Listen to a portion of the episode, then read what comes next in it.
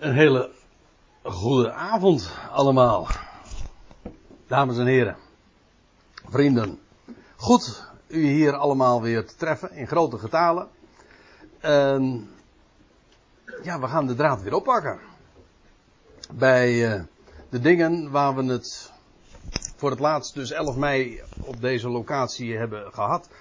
Namelijk over de dingen toen al, want dat is eigenlijk ook het voorgaande seizoen het geval geweest. Over de dingen rondom de wederkomst. Toen was Matthäus 24 het, het onderwerp. Eigenlijk ook, dat was de bedoeling dat we het over Matthäus 25 zouden hebben, maar daar zijn we niet meer aan toegekomen. Ik hoop het komend seizoen daar nog wel aan toe te komen. Maar we gaan daar niet meteen de draad op pakken, dat zal nog eventjes duren. Eerst eventjes een, eh, een algemene vraag, want ik zal u vertellen, dit is wel een uh, markant moment om deze serie te beginnen over dit onderwerp. En waarom is dat?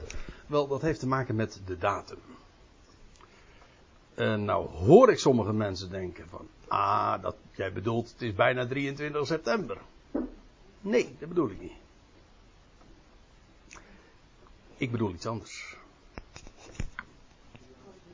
Ja, het is Rosh Hashanah.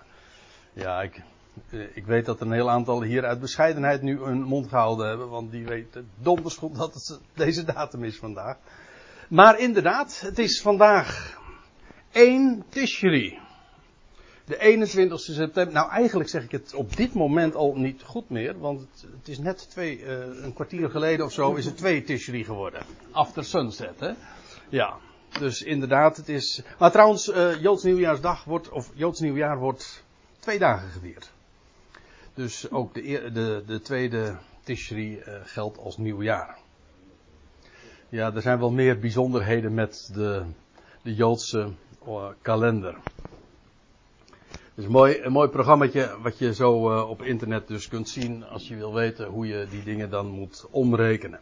1 Tishri, dat betekent dat het vandaag dus Rosh Hashanah is. U ziet dat hier. En Rosh betekent uh, hoofd of en daarmee ook de eerste. En Hashanah betekent het jaar of van het jaar. Dus het eerst, de eerste van het jaar. Nieuwjaarsdag dus. Joods nieuwjaarsdag. En dat is eigenaardig, want dat Joods nieuwjaarsdag dat wordt gevierd op de eerste dag van de zevende maand. Dat is ook weer zo'n eigenaardigheid met die Hebreeuwse kalender. Maar ik wil daar eerst eventjes uh, nog wat op inzoomen. Kijk, je hebt een speciaal een hoofdstuk in de Bijbel dat gaat over de hoogtijden van Yahweh. Ik spreek dan liever niet over de Joodse feestdagen. Uh, dat is niet helemaal hetzelfde, want er zijn uh, later trouwens nog heel wat weer feestdagen of hoogtijden bijgekomen. Bijvoorbeeld uh, Purim. Maar er zijn zeven oorspronkelijke jaarlijkse hoogtijden van Yahweh. En ik wil ze eventjes op een rijtje zetten. En ik kan het makkelijk aan de hand van deze kandelaar doen. Want dit is een menorah. Een, een zevenarmige, eigenlijk een zesarmige kandelaar. Want dit is de stam. En dan heeft hij dus aan weerszijden zes. Of aan weerszijden drie armen. Het begint met Pascha. In de eerste maand. Dan heb je het feest van de ongezuurde broden. Het feest van de eersteling. Ik noem het eventjes heel kort. Gewoon om het. Uh, om niet het de uitgebreide benaming uh, uh, ervan te, te, noemen. Want dat past er een beetje moeilijk op. Pascha, ongezuurde broden. de eerstelingsschoof. Dan kreeg je Pinksteren in de derde maand dan krijg je de dag van het bazuingeschal. En dat is Rosh Hashanah. Want Rosh Hashanah is eigenlijk niet eens een Bijbelse uitdrukking. Als ik me niet vergis. Het is de Bijbelse uitdrukking voor deze dag. De Bijbelse naam, dat is de dag van het geschal. Of van het shofargeschal. Of van het bazuingeschal. Kom er straks op terug. Dan krijg je nog weer een dag, of wat later, verzondag. En tenslotte het Loofhuttenfeest. Eventjes op een rijtje. Uh, of nog wat meer inzoomen. Je hebt Pascha. Uh, je hebt, nee, laat ik het eerst zeggen. Je hebt een aantal hoogtijden in de eerste maand. te beginnen met Pascha, dat is in het voorjaar dus, Pesach. Dit, dat is eigenlijk specifiek één dag, Pascha, en dat is de veertiende. En het is precies ook de dag, laat ik meteen dan de nieuwtestamentische tegenhanger ervan noemen, of eigenlijk, laat ik het anders zeggen, de vervulling ervan. En dat is de dag dat Jezus Christus stierf. Op die dag.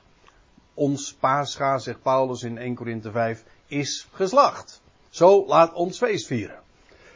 Want wat vervolgens gebeurde, is dat een dag later, op de 15e Aviv, kreeg je, begon het feest van de ongezuurde broden. En dat is de dag, vanaf die 15e Aviv, dat is de dag dat de Heer Jezus in het graf lag. De eerste dag van hem in het graf.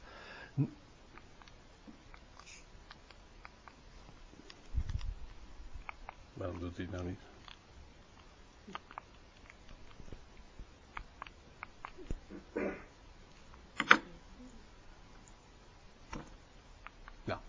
Dan krijg je de dag van de eerstelingsschoof. De, de eersteling werd dan aangeboden aan Yahweh. En dat was de, de eerstelingsschoof van de gerstenoogst wel te verstaan. En daar was, wordt geen specifieke datum voor genoemd. Wel wordt er gezegd dat is, dat moest zijn daags na de Sabbat. De dag van de eerstelingsschoof. Dit waren alle, alle drie hoogtijden in de eerste maand. En het is heel makkelijk te onthouden. Ze vinden hun vervulling in de eerste komst van Christus. Perfect ook. Dus pakweg 1500 jaar voor de komst van de Messias, voordat hij stierf, voordat hij in het graf lag, voordat hij opstond uit de dood, had God al deze data vastgelegd, gefixeerd en gezegd: dat zijn mijn hoogtijden. En dat klopt allemaal zo perfect, zo geweldig. Dat is goddelijk arrangement. Dan kreeg je. Uh, want dat heb ik nou nog niet uh, zeker vermeld. Dat de, de dag van de eerstelingsschoof. Noemde ik niet. Nee, oh sorry, dat moet ik dan uh, inderdaad nog even bijvermelden. De dag van de eerstelingsschoof, die vindt zijn perfecte vervulling in, in de opstanding van de Heer Jezus Christus. Hij die de, eer, de eerstgeborene uit de doden, de eersteling uit de doden, zoals Paulus dat ook uh, benoemt, op verschillende plaatsen trouwens, in het boek Openbaring ook. Hij is de eersteling die nieuw leven aan het licht bracht, onvergankelijk leven. Met recht dus de eersteling van, van de oogst. De oogst moet nog volgen, maar hij is de eersteling. En dat was, uh, zoals God had dat vastgelegd, dat moest zijn de dag na de Sabbat. En dat is precies ook de dag dat de Heer Jezus opstond. Dat dat ook weer een Sabbat was. Uh, en dat daar verschillende sabbatten een, een rol speelden, dat is uh, waar, maar daar ga ik het nu dus even niet over hebben. In elk geval, deze hoogtijden, nogmaals, vinden, hebben hun. We vinden het in Leviticus 23. En pakweg 1500 jaar later heeft het zijn perfecte vervulling gevonden in wie anders? De Messias, onze Heer Jezus Christus. Dan kreeg je in de derde maand, 50 dagen later, dat wil zeggen 50 dagen na de eerstlingsschoof, ook daarvan wordt geen datum genoemd, maar men moest tellen, zoveel dagen. En dan krijg je Pinksteren. Men moest zeven weken tellen. Zeven keer zeven dagen dus. En na de 49ste dag kreeg je dus de 50ste dag. En dat heet Pinksteren, maar dat is een Grieks woord. En in het Hebreeuws heet dit dan het wekenfeest. Maakt me even niks uit hoe je het uh, benoemt. Uh, als je maar weet waar we het over hebben. En dan krijg je vervolgens nog weer een drietal hoogtijden in de zevende maand. En zoals de hoogtijden hun vervulling vinden, in de hoogtijden van de eerste maand hun vervulling vinden in de eerste komst van Christus. Zijn sterven, zijn dood, in zijn liggen in het graf en zijn opstanding.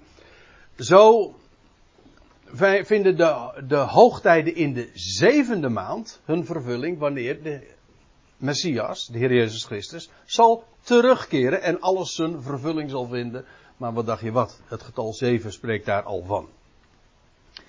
En dat zal zijn een, nou ja, dat begint dan met het bazuingeschal. De eerste Tishri. Dat is vandaag dus. Eventjes uh, voor de goede orde. Het is een kwartier geleden. Van inmiddels een half uur terug. Uh, dat het inmiddels twee Tishri is. Maar goed. Hè? De dag van het bezuingeschal. Ik kom er straks op, uh, nog op terug. Nog weer een aantal dagen later. Tien dagen later. Of negen dagen later. Maar op de tiende Tishri. Had je de verzondag. Yom Kippur. En nog weer vijf dagen later kreeg je het Sukkot, oftewel het Loofhuttenfeest. En dat werd ook weer uh, vijf of zeven dagen lang gevierd. Vanaf de vijftiende Tishri. Daar zit een, een, een, geweldige structuur ook weer. Hoe de eerste en de zevende maand elkaar spiegelbeelden zijn.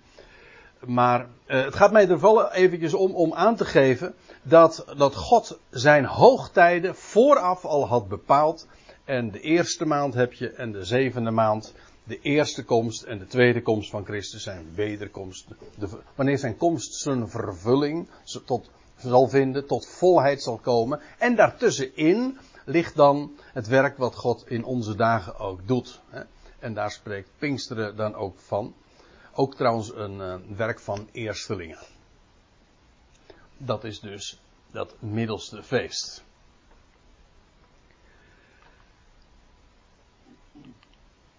die eerste Tishri, daarvan lees je, dat is dus eh, Rosh de eerste van het jaar.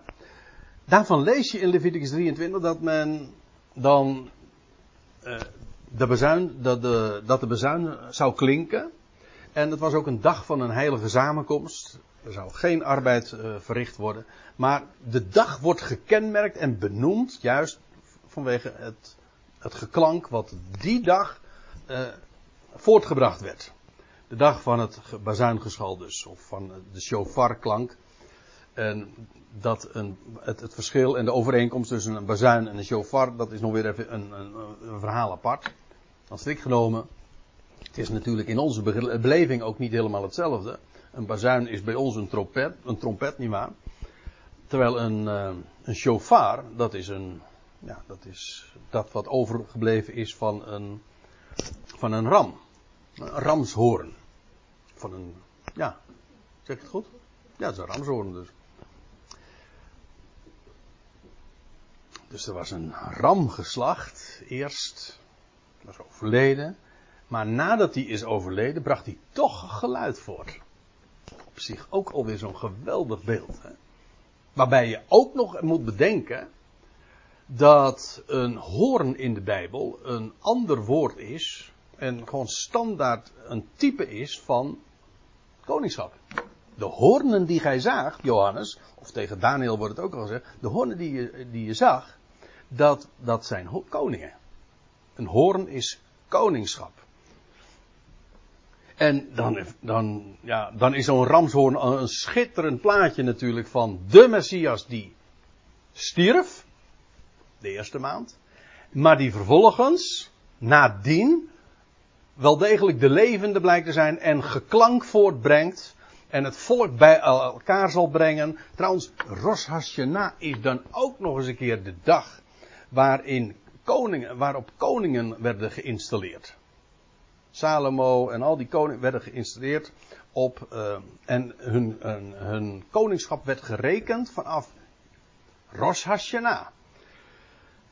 Ja, die shofar die klonk bij allerlei gelegenheden als het volk ten strijde moest trekken, maar bijeen moest komen, vergaderd werd, dan, het, dan moest de bezuin klinken.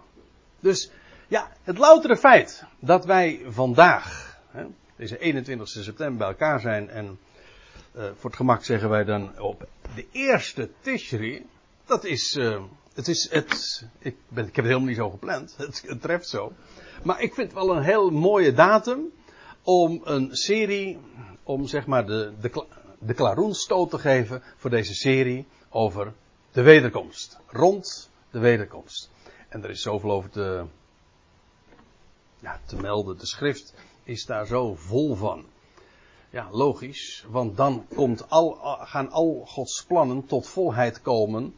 En de tijden komen tot volheid. En ja, daar is onze verwachting op gericht. En als we de voorgaande seizoen ons hebben bezighouden met Matthäus 24, we gaan er gewoon dapper mee verder. Want ja, dat is onze hoop, dat is onze verwachting, daar kijken we naar uit. En, uh, en misschien zijn er allerlei dingen hier op aarde die, uh, die ons nog trekken en binden. Tuurlijk. Tot je dienst. Maar uh, ik zeg altijd, ik zeg het mijn schoonvader maar na. Het mooiste, dat komt nog. En daar kijken we naar uit natuurlijk. En zegt Paulus dat niet in Filippenzen 1?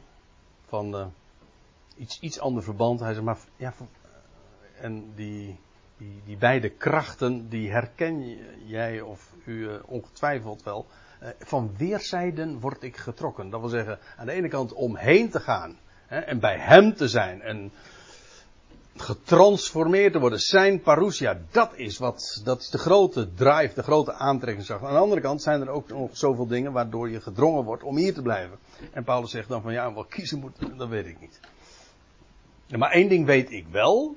Uh, hoe zeg je dat dan? Wat is verreweg het beste? Bij hen te zijn, ja. Dat is één ding wat zeker is. Trouwens, is, ik vind het nogal mooi. Het gaat er, het gaat er ook helemaal niet om wat wij het leukst vinden of waar wij het meest naar uitkijken. Want God heeft zo zijn programma en dat staat helemaal los van onze planning en dat, dat doet eigenlijk niet de zaken.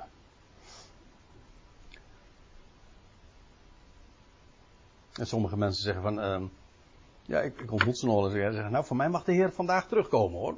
En uh, ik weet niet helemaal hoe ik dat moet beoordelen. Want vaak, vaak is het zo, het is, eventjes, het is even een zijspoor hoor, maar vaak is het zo dat de gedachte dan vooral is van nou, ik heb het hier wel gehad nu even. Het is niet zozeer dan het uitkijken naar, als wel uh, het, het uh, dat je, je hebt je buik vol zeg maar van de dingen hier. Maar dat zijn twee totaal verschillende dingen. Die moet je niet, die moet je niet door elkaar halen. Ik zeg dat trouwens zonder enig waardeoordeel, want ik, ja, goh, er zijn er nu eenmaal uh, heel wat mensen die hier op aarde zeer zwaar hebben. En, en waarbij het leven inmiddels heel moeizaam is geworden. Dus niets dan begrip ook daarvoor. Even ter zake. die, dat bezuingeschal. We gaan nog even naar Exodus 19. Om, gewoon allemaal om er nog even goed in te komen. Ik zal u trouwens meteen maar waarschuwen. We gaan de eerstkomende avonden uh, bezighouden met, uh, ja, met onze verwachting. We hebben een seizoen lang hebben we ons bezighouden met Matthäus 24. En dat is feitelijk de verwachting van Israël. Meer in het verlengde daarvan ook de volkerenwereld. Maar hier op aarde. Als je wil weten wat onze verwachting is. Wat, wat God vandaag aan het doen is in die tussentijd, zeg maar tussen de eerste en de zevende maand hij verzamelt zich een volk, ja. Eerstelingen. En die zijn bestemd voor de hemel en voor heerschappij. Maar wat is onze verwachting? Ja, dan, dat moet je, dan moet je inderdaad bij de apostel Paulus wezen. En die zegt daar ook het een en ander over. En dat we de Heer tegemoet zullen gaan. Nou, uh, wie zal dat betreffen? Wat is dat voor een gebeurtenis? Bij welke gelegenheid? Wanneer dan wel precies? Uh, en ik bedoel dan ook vooral, eh, ik, dan heb als ik zeg wanneer dan wel precies, bedoel ik niet een jaartal uh, en eventueel nog met de datum erbij. Daar ben ik sowieso altijd enigszins voorzichtig mee, maar vooral hebben we het over de vraag uh, in welke context, in welke samenhang van gebeurtenissen en ontwikkelingen. Over de tijden en gelegenheden, om zo te zeggen. Misschien dat we er later nog op terugkomen. Eerst even naar Exodus 19. Daar lees je dit. Uh, voor de goede orde, Exodus 19, dat is het hoofdstuk dat gaat vooraf aan. Juist, Exodus 20. En Exodus 20 is het hoofdstuk van de, de tien woorden.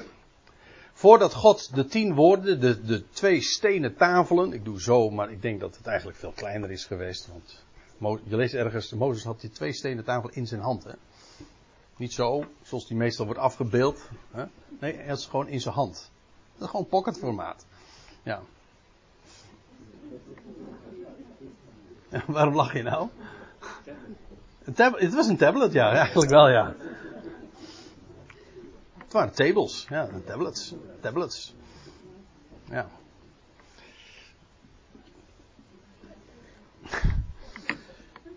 Voordat dat, eh, voordat dat, dat hij die stenen tafelen kreeg, dan, dan lees je dat dat moment ook wordt ingewijd.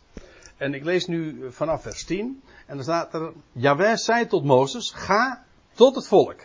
Heilig hen, he, heilig hen, heden, vandaag, en morgen, en laten zij hun kleren wassen. En tegen de derde dag, maar dat fenomeen kennen we inmiddels wel natuurlijk, in deze serie van Bijbelstudies, want ja, daar struikel je gewoon iedere keer over. Over dat soort uh, mededelingen. En tegen de derde dag zullen zij gereed zijn. Niet eerder. Zij zullen niet eerder dan op de derde dag. Wordt gezegd tegen het volk, hè? En lees dit even heel dubbelzinnig. Dat trouwens, dat doe je. Als je eenmaal, als je eenmaal weet hoe, wat de profetie hier over deze dingen allemaal te zeggen heeft.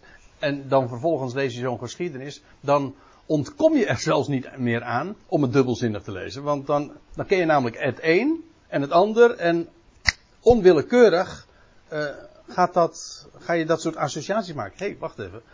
Uh, het volk, op de derde dag is het gereed. Ze worden eerst geheiligd, apart gezet. Op de derde dag uh, zullen zij gereed zijn, want op de derde dag zal Yahweh neerdagen, dalen voor de ogen van het hele volk. Toen nog op de berg Sinaï. Maar Yahweh, hij zou nederdalen voor de ogen van het hele volk. En dan lees ik, ik sla een paar versen over en dan kom je in vers 14. Toen daalde Mozes de berg af naar het volk. Hij heiligde het volk en zij wiezen hun klederen. En hij zei tot het volk, wees over drie dagen gereed. Nadert niet tot een vrouw. Dat is trouwens ook nog eigenaardig dat dat zo gezegd wordt. Dus gemeenschap is er pas vanaf de derde dag. Dat is trouwens ook een heel profetisch gegeven in verband met Israël. Dan. Ik moet, ik moet ineens aan denken aan Hosea. Hè, die ook een vrouw moest uh, nemen. Een hoer, ja. En die, wordt dan, die, die vrouw die wordt dan apart gezet. En dan staat er ook, hij mocht niet tot haar naderen. Hij mocht geen gemeenschap met haar hebben. En dan wordt er ook gezegd, want vele dagen zal Israël zijn zonder koning, zonder vorst, zonder terafim en efot. Maar daarna zal ik tot hen komen. Dan, daarna is er gemeenschap en zal hij hen alsnog werkelijk tot bruid werven. De prijs was al voor die vrouw betaald, maar daadwerkelijk de gemeenschap zou pas, de huwelijksgemeenschap zou pas op een later tijdstip, namelijk op de derde dag, na twee millennia, na 2000 jaar, plaatsvinden. Hij zei tot volk, wees over drie dagen gereed, nadert niet tot een vrouw. En dat geschiedde op de derde dag. Toen het morgen werd, ja, het werd morgen, dus bij zonsopgang. Dus dat er donderslagen, bliksemstralen, zware wolk op de berg waren. De Hebreeënbriefschrijver die vertelt ook waarom dat zo allemaal was. Dat heeft ook alles te maken met het oude verbond. Maar let even op. Het gaat me nu ook vooral om de overeenkomst. En zeer sterk bazuingeschal. En u begrijpt natuurlijk inmiddels waarom ik dit met allemaal kapitaalletters en vet gedrukt heb uh, geprojecteerd. Waarom? Omdat dat namelijk precies ook herinnert aan deze dag. Aan Rosh Hashanah. Dat herinnert aan, aan de dag dat het bazuingeschal zal klinken. En dan staat erbij, zeer sterk bazuingeschal, zodat al het volk dat in de legerplaats was beefde. Kunt u het zich voorstellen? Hm? Doe je ogen even, ik lees het voor, je ogen sluit je en, je en je probeert je voor te stellen wat, wat dit eh, betekend heeft. Gigantisch, zo indruk, indrukwekkend als dat geweest moet zijn. Maar het was een type van wat ooit zou gaan plaatsvinden. Namelijk na 2000 jaar op de derde, bij het derde millennium, dat de Heer tot zijn volk zal komen, voor de ogen van het hele volk zal verschijnen. Om, en met zeer sterk bazuingeschal. Nou, nu neem ik even mee naar Matthäus 24. Om uh, nog eventjes ook de link te leggen met wat we het voorgaande seizoen hebben besproken. Want daar vind je dat ook. Matthäus 24, vers 30. Ja, ik, ga, ik ga er nu een beetje snel doorheen. Ik ga er eventjes gemakshalve vanuit. Als ik dat niet doe, dan wordt het helemaal een beetje een complex verhaal. Ik ga er gemakshalve vanuit dat, dat iedereen die hier nu zit, het vorige seizoen ook heeft beluisterd en meegemaakt. Nou, meegemaakt, dat, dat zal niet het geval zijn als ik zo kijk. Maar uh, beluisterd weet ik niet. Ik weet niet wat u allemaal in die vrije tijd doet.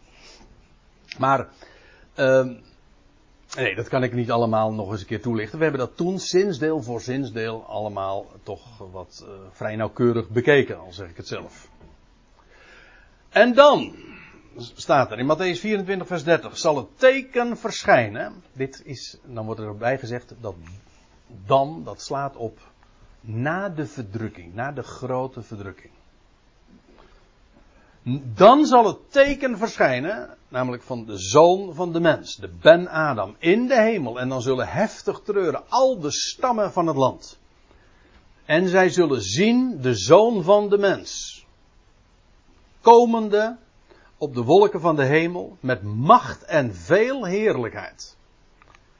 En hij zal, die zoon van de mens dus, de Ben Adam, de boodschappers van hem afvaardigen met groot bazuingeschal. Haha, heb je het weer. En ze zullen bijeen vergaderen. Ah, maar dat is precies ook waar bazuingeschal voor dient. Namelijk om het volk bijeen te brengen. Dat was eigenlijk, het was een, her, ja, nou een herinnering, maar in ieder geval, het was een, een commando om, om tot vergadering. Het was een bazuin, het is een muziekinstrument, maar je maakt er niet strikt genomen geen, geen echte muziek mee. Uh, je alarmeert, je, je, je signaleert, je geeft een signaal af, zo moet ik het zeggen.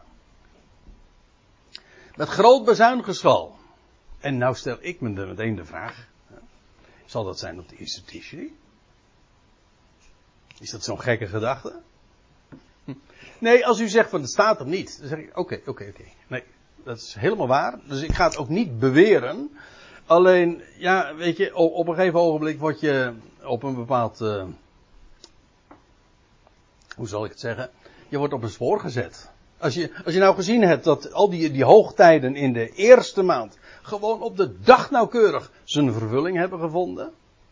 Ja, wanneer zou nou Israël vergaderd worden? Wanneer ze als de Heer zal komen en er voor hen een heel nieuw tijdperk zal aanbreken. En, en hij het volk, het uitverkoren volk, bij elkaar zal brengen en, en eerst zal brengen in de woestijn en vanuit de woestijn naar het land zal voeren. We hebben het er allemaal over gehad. Wanneer zal dat zijn? Ja, het zal het zal een dag zijn van groot bezuingezal. Dan denk ik zo, maar het zal wel de dag van het bezuingezal zijn. ja. En als ik het zo zeg, denk ik van nou, uh, zo, zo speculatief is dat nou ook weer niet. Hè? ik moet er, nou ja, goed. Uh, we doen bijbelstudie, dus we nuanceren ook. Ik moet er wel bij zeggen dat bazuingezal niet per definitie altijd op... Uh, op, op nieuwjaarsdag was natuurlijk. Ik zei al, het was bij allerlei gelegenheden. En ik kom daar, ja, ik kom daar straks nog even op terug. Eerst, eerst even, lees ik nog even verder. Hij, hij zal dan, bij die gelegenheid, dus na de grote verdrukking, zal hij verschijnen voor zijn volk. Bezuinigen zal, groot bezuinigen zal, ze zullen bijeen vergaderen. De uitverkorenen van hem vanuit de vier winden, oost, west, thuisbest. Ja, met recht thuisbest dan. Hè. En, uh, en van het noorden en het zuiden, dat wil zeggen van alle kanten. En van de uiteinden van de hemelen tot de andere uiteinden van hen. Dus als we het hebben over de bazuin, dan hebben we het inderdaad over de wederkomst. Ik, u weet dat ik, eh, dat zeg ik ook even tussendoor. Uh, dat ik nogal. Ge... Ik ben nogal gesteld op. En sterker nog, ik vind het eh, heel belangrijk om gezonde woorden te gebruiken. Bijbelse woorden. En daar moet ik meteen erbij zeggen: de, de, al, de, de algemene titel over deze, voor deze hele serie is strikt genomen niet eens een Bijbels woord. Weet u dat? De wederkomst vind je niet in de Bijbel. Ja, ja. De parousia, er zijn allerlei woorden ervoor. De verschijning, ook de komst wordt ook genoemd. In onze vertaling wel, bijvoorbeeld je leest in Handelingen 1 dat als dan de, de discipelen naar de Olijfberg zijn gegaan en dan de Heer hebben zien uh, dat die werd weggenomen en dat dan twee uh, mannen in witte klederen plots voor hen verschijnen en dan zeggen zo, deze Jezus die jullie hebben zien gaan, heen gaan, zal op dezelfde wijze, en dat staat er in onze vertaling, zal op dezelfde wijze wederkomen. Dan zeggen we, nou goed, daar vind je dus echt de wederkomst. Maar nou ga je even kijken in, uh, in de interlineair, dan staat er niet wederkomen, staat er, oh, zal op dezelfde wijze komen. Dat is inderdaad een terugkeer natuurlijk, dat, maar het staat er niet. Dus dat is het voorbehoud dat ik maak. Maar goed, uh, dus ja, dat is de, hoe noemen ze dat? De, de disclaimer, ja. We, gebruiken hem toch uh, met enige vrijmoedigheid. De, de, de, wederkomst. We weten allemaal waar we het over hebben. We hebben het tenslotte verrekening over degene die hier ooit was en die straks weer gaat komen. En trouwens, uh, wat ik nu zeg, uh, dat is algemeen bekend. In talloze traditioneel christelijke liederen wordt al gesproken over, over de bazuin. Hè? Eens als de zongen wij vroeger dan in de kerk. Eens als de bazuinen klinken uit de hoogte, links en rechts. Duizend stemmen ons omringen, ja en amen wordt gezegd. Rest er niets meer dan te zingen, Heer, dan is uw pleit beslecht. Ook dat is trouwens geen bijbeltekst, maar uh, wel een hele bekende. Ja. Nee, en ik ga het u uh, niet aandoen om hem voor te zingen. Goed. Bazuin geklonk. Dat klonk dus, in ieder geval elk nieuw jaar. Het nieuwe jaar begon met uh, bazuingeklank. En zo heet die dag eigenlijk ook van in de Bijbel. Wij hebben hem inmiddels, of de Joden in het algemeen hebben hem Rosh Hashanah genoemd. Maar het is gewoon uh, de dag van het geklank. En trouwens ook elke nieuwe maand werd de bazuin geblazen. Elke nieuwe maand. Ja, dan moet u niet denken aan alleen maar aan de eerste van de maand, maar gewoon de eerste van de Hebreeuwse maand. En dat is altijd een nieuwe maan dus. Wij weten eigenlijk niet meer wat een nieuwe, wat een nieuwe maand is. Want een maand is bij ons helemaal geen maand. Een maand is eigenlijk een maancyclus. En dat zou moeten beginnen bij nieuwe maan.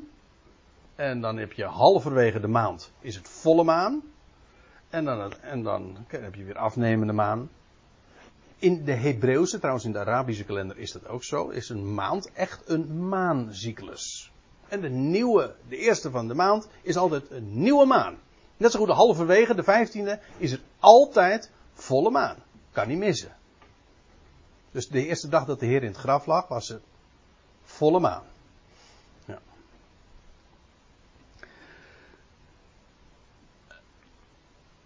dat is trouwens, wil ik op nog iets wijzen.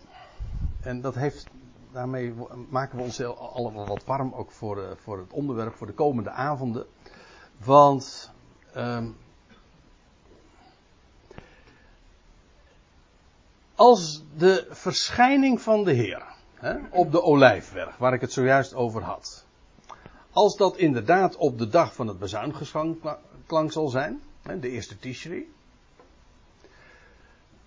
dan betekent dat uh, dat 3,5 jaar eerder, oftewel 42 maanden eerder, want dat is de lengte van die periode van de grote verdrukking, ook wel 1260 dagen, maar dat betekent dat het begin van de grote verdrukking ook uh, zal zijn op de eerste van de maand. Toch? 42 maanden eerder. Elke maand in deze hele periode wordt die, die bazuin dus 42 keer geblazen. En waarom ik het even uh, ook aangeef, is dat ook het begin van de grote verdrukking gemarkeerd wordt dus door bazuingeschal. En als dit in het najaar is, dan betekent dat dit dus 3,5 jaar eerder in het voorjaar is. In de maand Aviv, oftewel. Aviv betekent lente. Ja, Tel Aviv. Lenteheuvel. In onze Bijbelvertalingen wordt het meestal weergegeven met Abib. Maar het is Aviv, gewoon. Meer op zijn Hebreeuws gezegd, zeg maar. En uh, waarom vind ik dat uh, interessant om aan te geven? Omdat ik geloof dat die bazuin dus niet alleen maar met het nieuwe jaar klinkt, maar ook bij andere gelegenheden, bijvoorbeeld bij het begin van de maand en ook bij het begin van de grote verdrukking. Begin van de 42 maanden. En waarom zeg ik dat nu?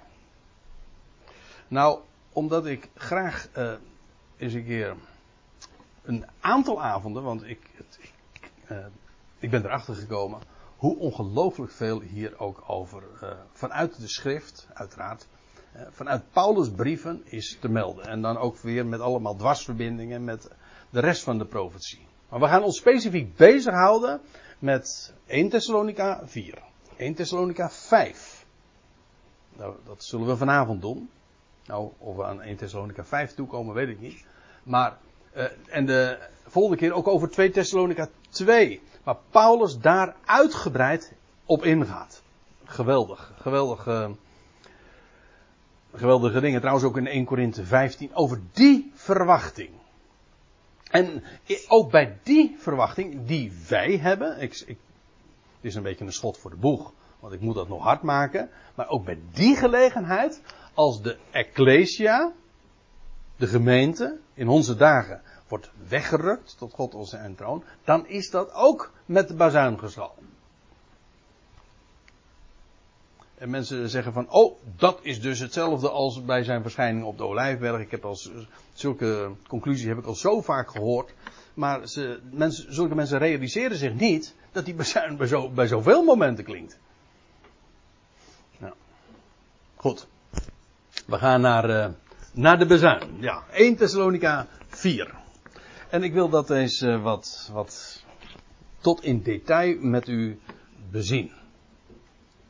En ik, uh, ik vond het heerlijk om het afgelopen seizoen om bezig te zijn met dat wat de Heer vanaf de Olijfberg allemaal gezegd heeft over, de, over het einde van de Aion. Maar ja, hoe, hoe gaat dat? En ik neem aan dat jij of u dat ook zal herkennen.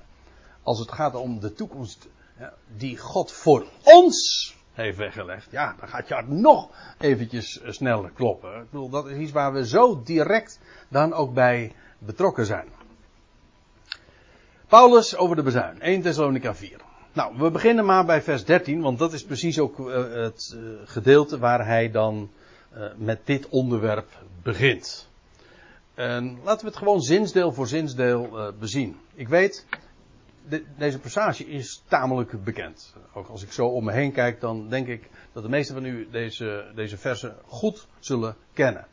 Maar goed kennen de, en en weten wat er echt staat, dat, is, dat zijn nogal eens twee verschillende dingen.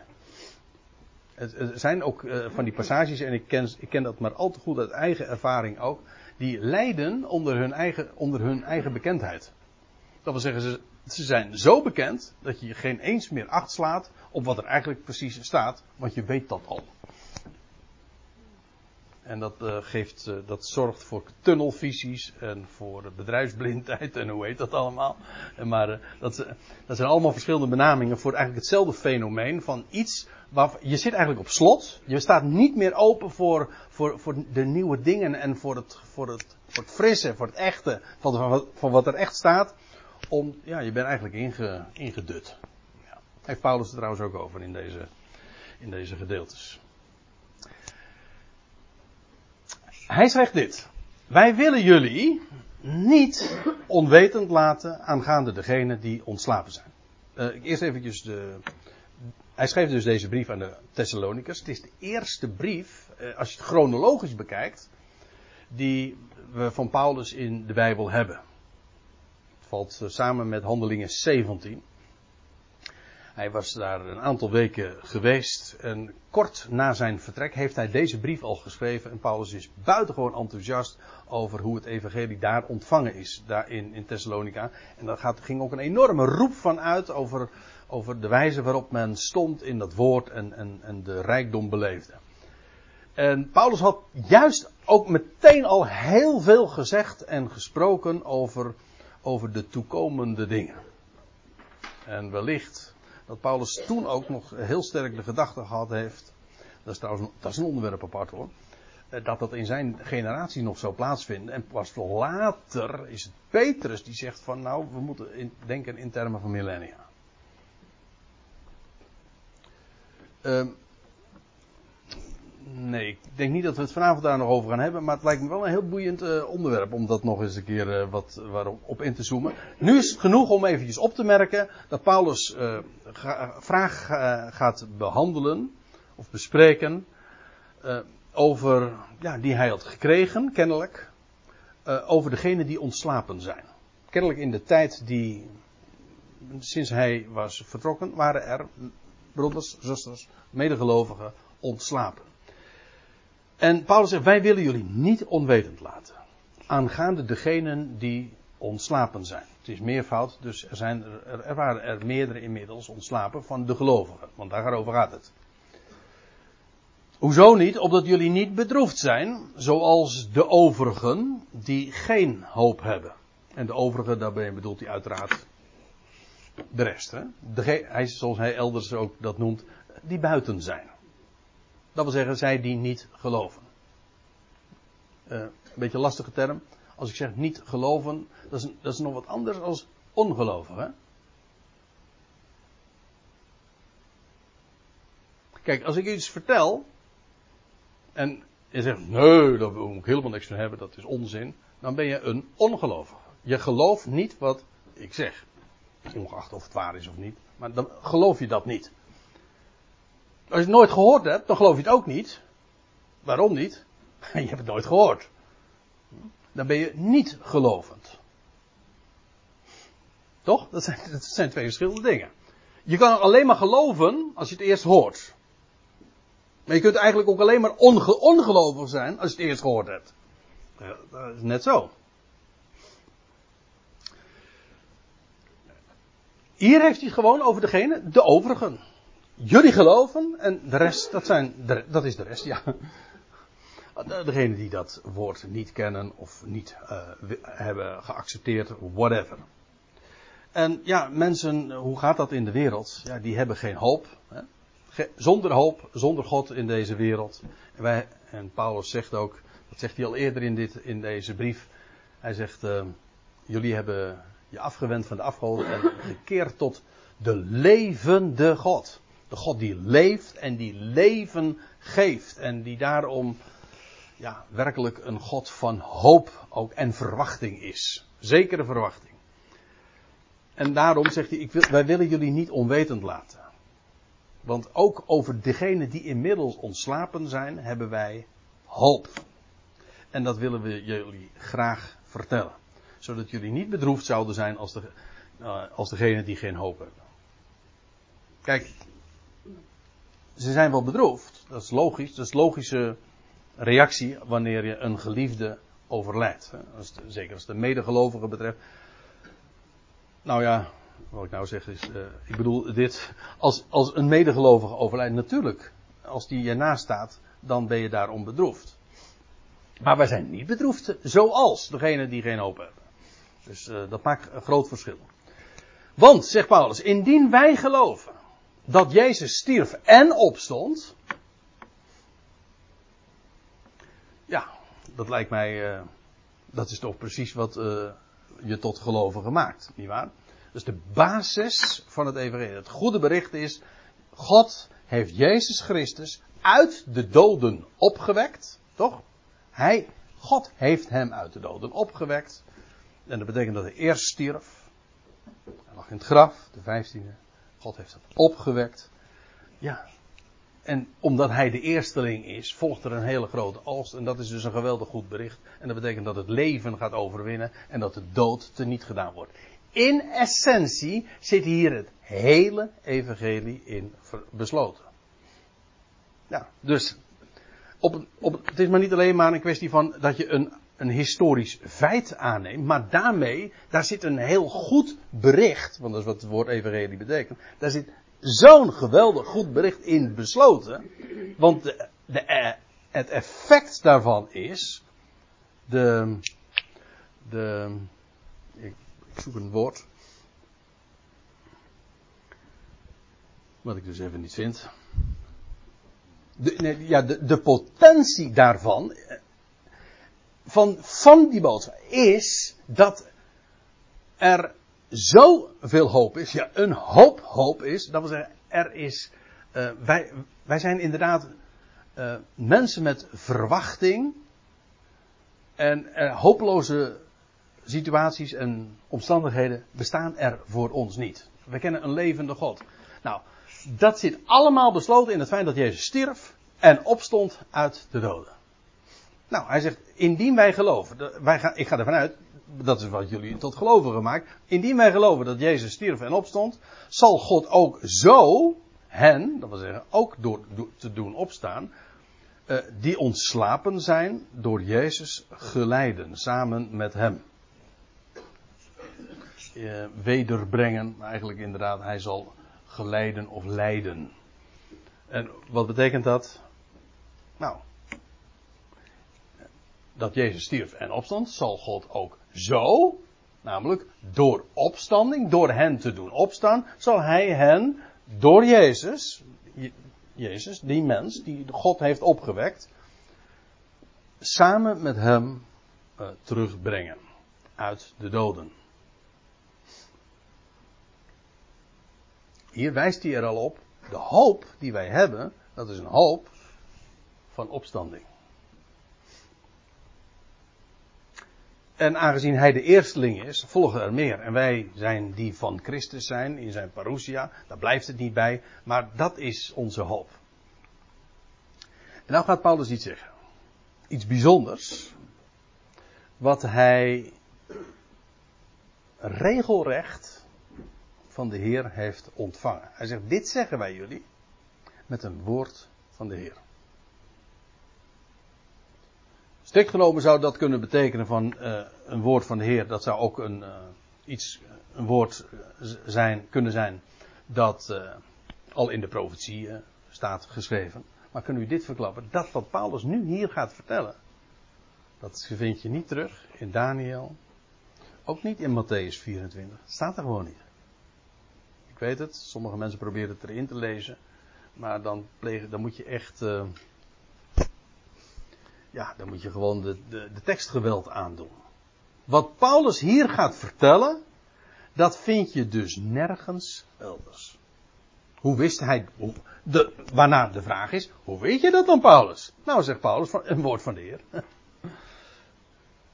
Daarom.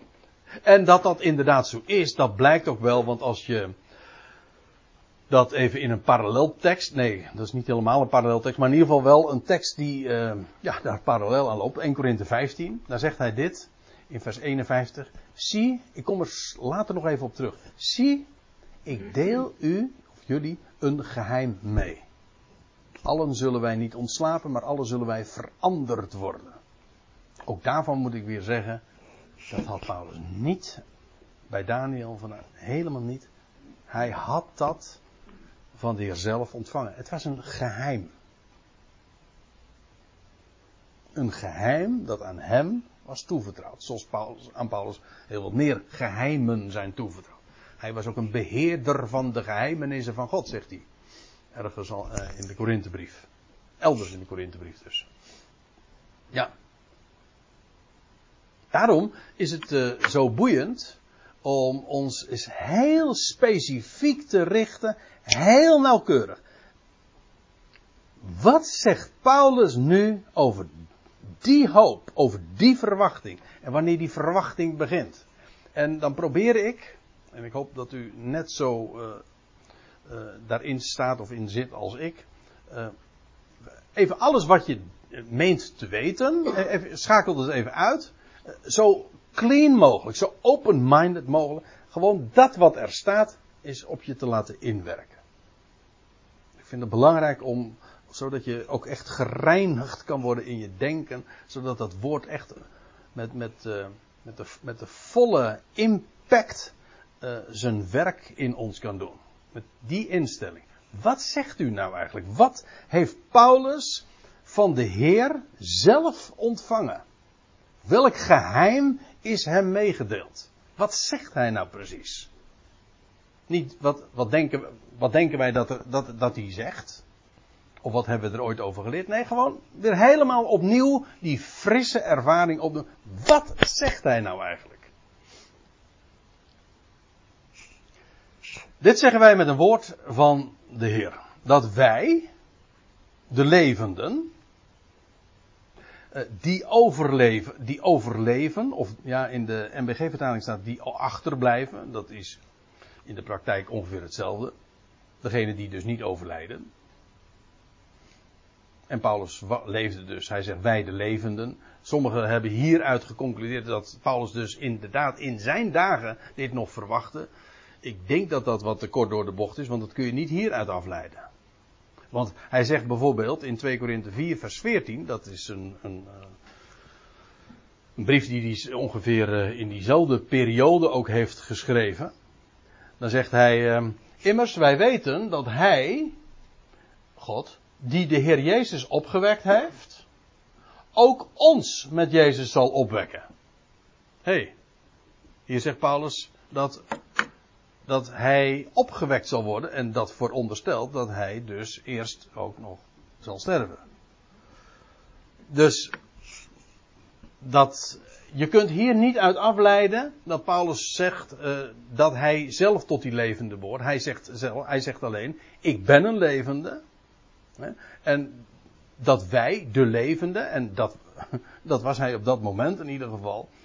En uh, daarmee, is niet, daarmee is niet absoluut uh, gezegd dat hij daarmee dus zegt dat hij zelf ook dat nog zal meemaken. Net zo goed als dat je ook niet uit 2 Korinthe 4 vers 4 uh, vers 14 kunt afleiden dat hij dus absoluut zeker wist dat hij eerst zou sterven. Dat is allebei te kort uh, door de bocht. Hij, hij, spreekt over wij de levenden. En wie zijn dat dan? Nou, dat zijn degenen die niet ontslapen. En aangezien hij nog niet ontslapen was, kon hij zich zo inderdaad presenteren. Zeg ik het duidelijk zo? Toch? dat wij de levenden die overleven, tot de parousia van de Heer. Ja, ik, de intelligentie, de aanwezigheid, en dat is het ongeveer, eh, dat is de, natuurlijk. Eh, want, eh, oftewel, de parousia. Vorig seizoen hebben we het daar ook nog over gehad, over dat woord, want het wordt ook gebruikt in Matthäus 24. En het woord zelf betekent, nou ja, aanwezigheid, of de, de Statenvertaling geeft het nog eens weer met de tegenwoordigheid of nog wat moderner Nederlands is de presentie. Maar het is allemaal hetzelfde. Iemand die present is, is aanwezig? Het staat trouwens in het, uh, het staat tegenover apousia en dat betekent afwezigheid. Dus de heer, de, het idee is, de Heer is nu afwezig. Hij was hier ooit en straks zal hij hier weer zijn. Maar hij is nu afwezig en straks is hij weer aanwezig. En dat is trouwens ook meteen het, het misleidende uh, van dat woordje komst. Hè? Want bij, bij, bij komst denk je eigenlijk alleen maar aan het moment, meestal, van aankomen. Maar het is niet alleen maar het moment van aankomen, maar zijn hele aanwezigheid. Aankomen, arriveren, dat is één moment. Zijn aanwezigheid, dat uh, is ook dat wat er na zijn arriveren uh, uh, plaatsvindt. Hè. Hij, arriveert en hij zal hier zijn. Hij zal present zijn. Hij zal aanwezig zijn. Nou, dat is dat woordje parousia. Dus er zullen er zijn, dat is wat Paulus zegt, die overleven. Dat wil zeggen, die niet zullen ontslapen, maar die in levende lijven, terwijl ze hier op aarde zich nog bevinden, die de parousia zullen meemaken. Wij de levenden die overleven tot, uh, of tot in, letterlijk, tot in de aanwezigheid of de parousia van de Heer. Wij zullen niet, zegt hij, de ontslapenen voorgaan. Dat was kennelijk de angst. Of niet, dat, het suggereert dat de vraag was van, ja, die mensen daar in, Corinthe, of in Thessalonica hadden vragen over de ontslapenen, ontslapen medegelovigen. Uh, missen die dan de boot? Of zo? Omdat zij al overleden zijn? Nee, zegt Paulus. Wij die overleven, wij zullen de ontslapenen zeker niet voorgaan. En dat gaat hij nader toelichten. Nog één ding voordat we, voordat we gaan pauzeren. Dat woordje ontslapenen, wat hij in dit, deze context een paar keer gebruikt, is natuurlijk een geweldig woord. wij spreken over overlijden, over sterven, en dan dat woord, een, ja, noem het een eufemisme, maar uh, dat noem ik niet zo, het is gewoon heel reëel. Uh, zij die sterven, die ontslapen. Dat is juist ook, in feite in het woord zelf zit al gelegen de hoop die we hebben. Zo van, ja, de wereld zegt, ze zijn dood. Nee, ze zijn niet dood. Ze slapen.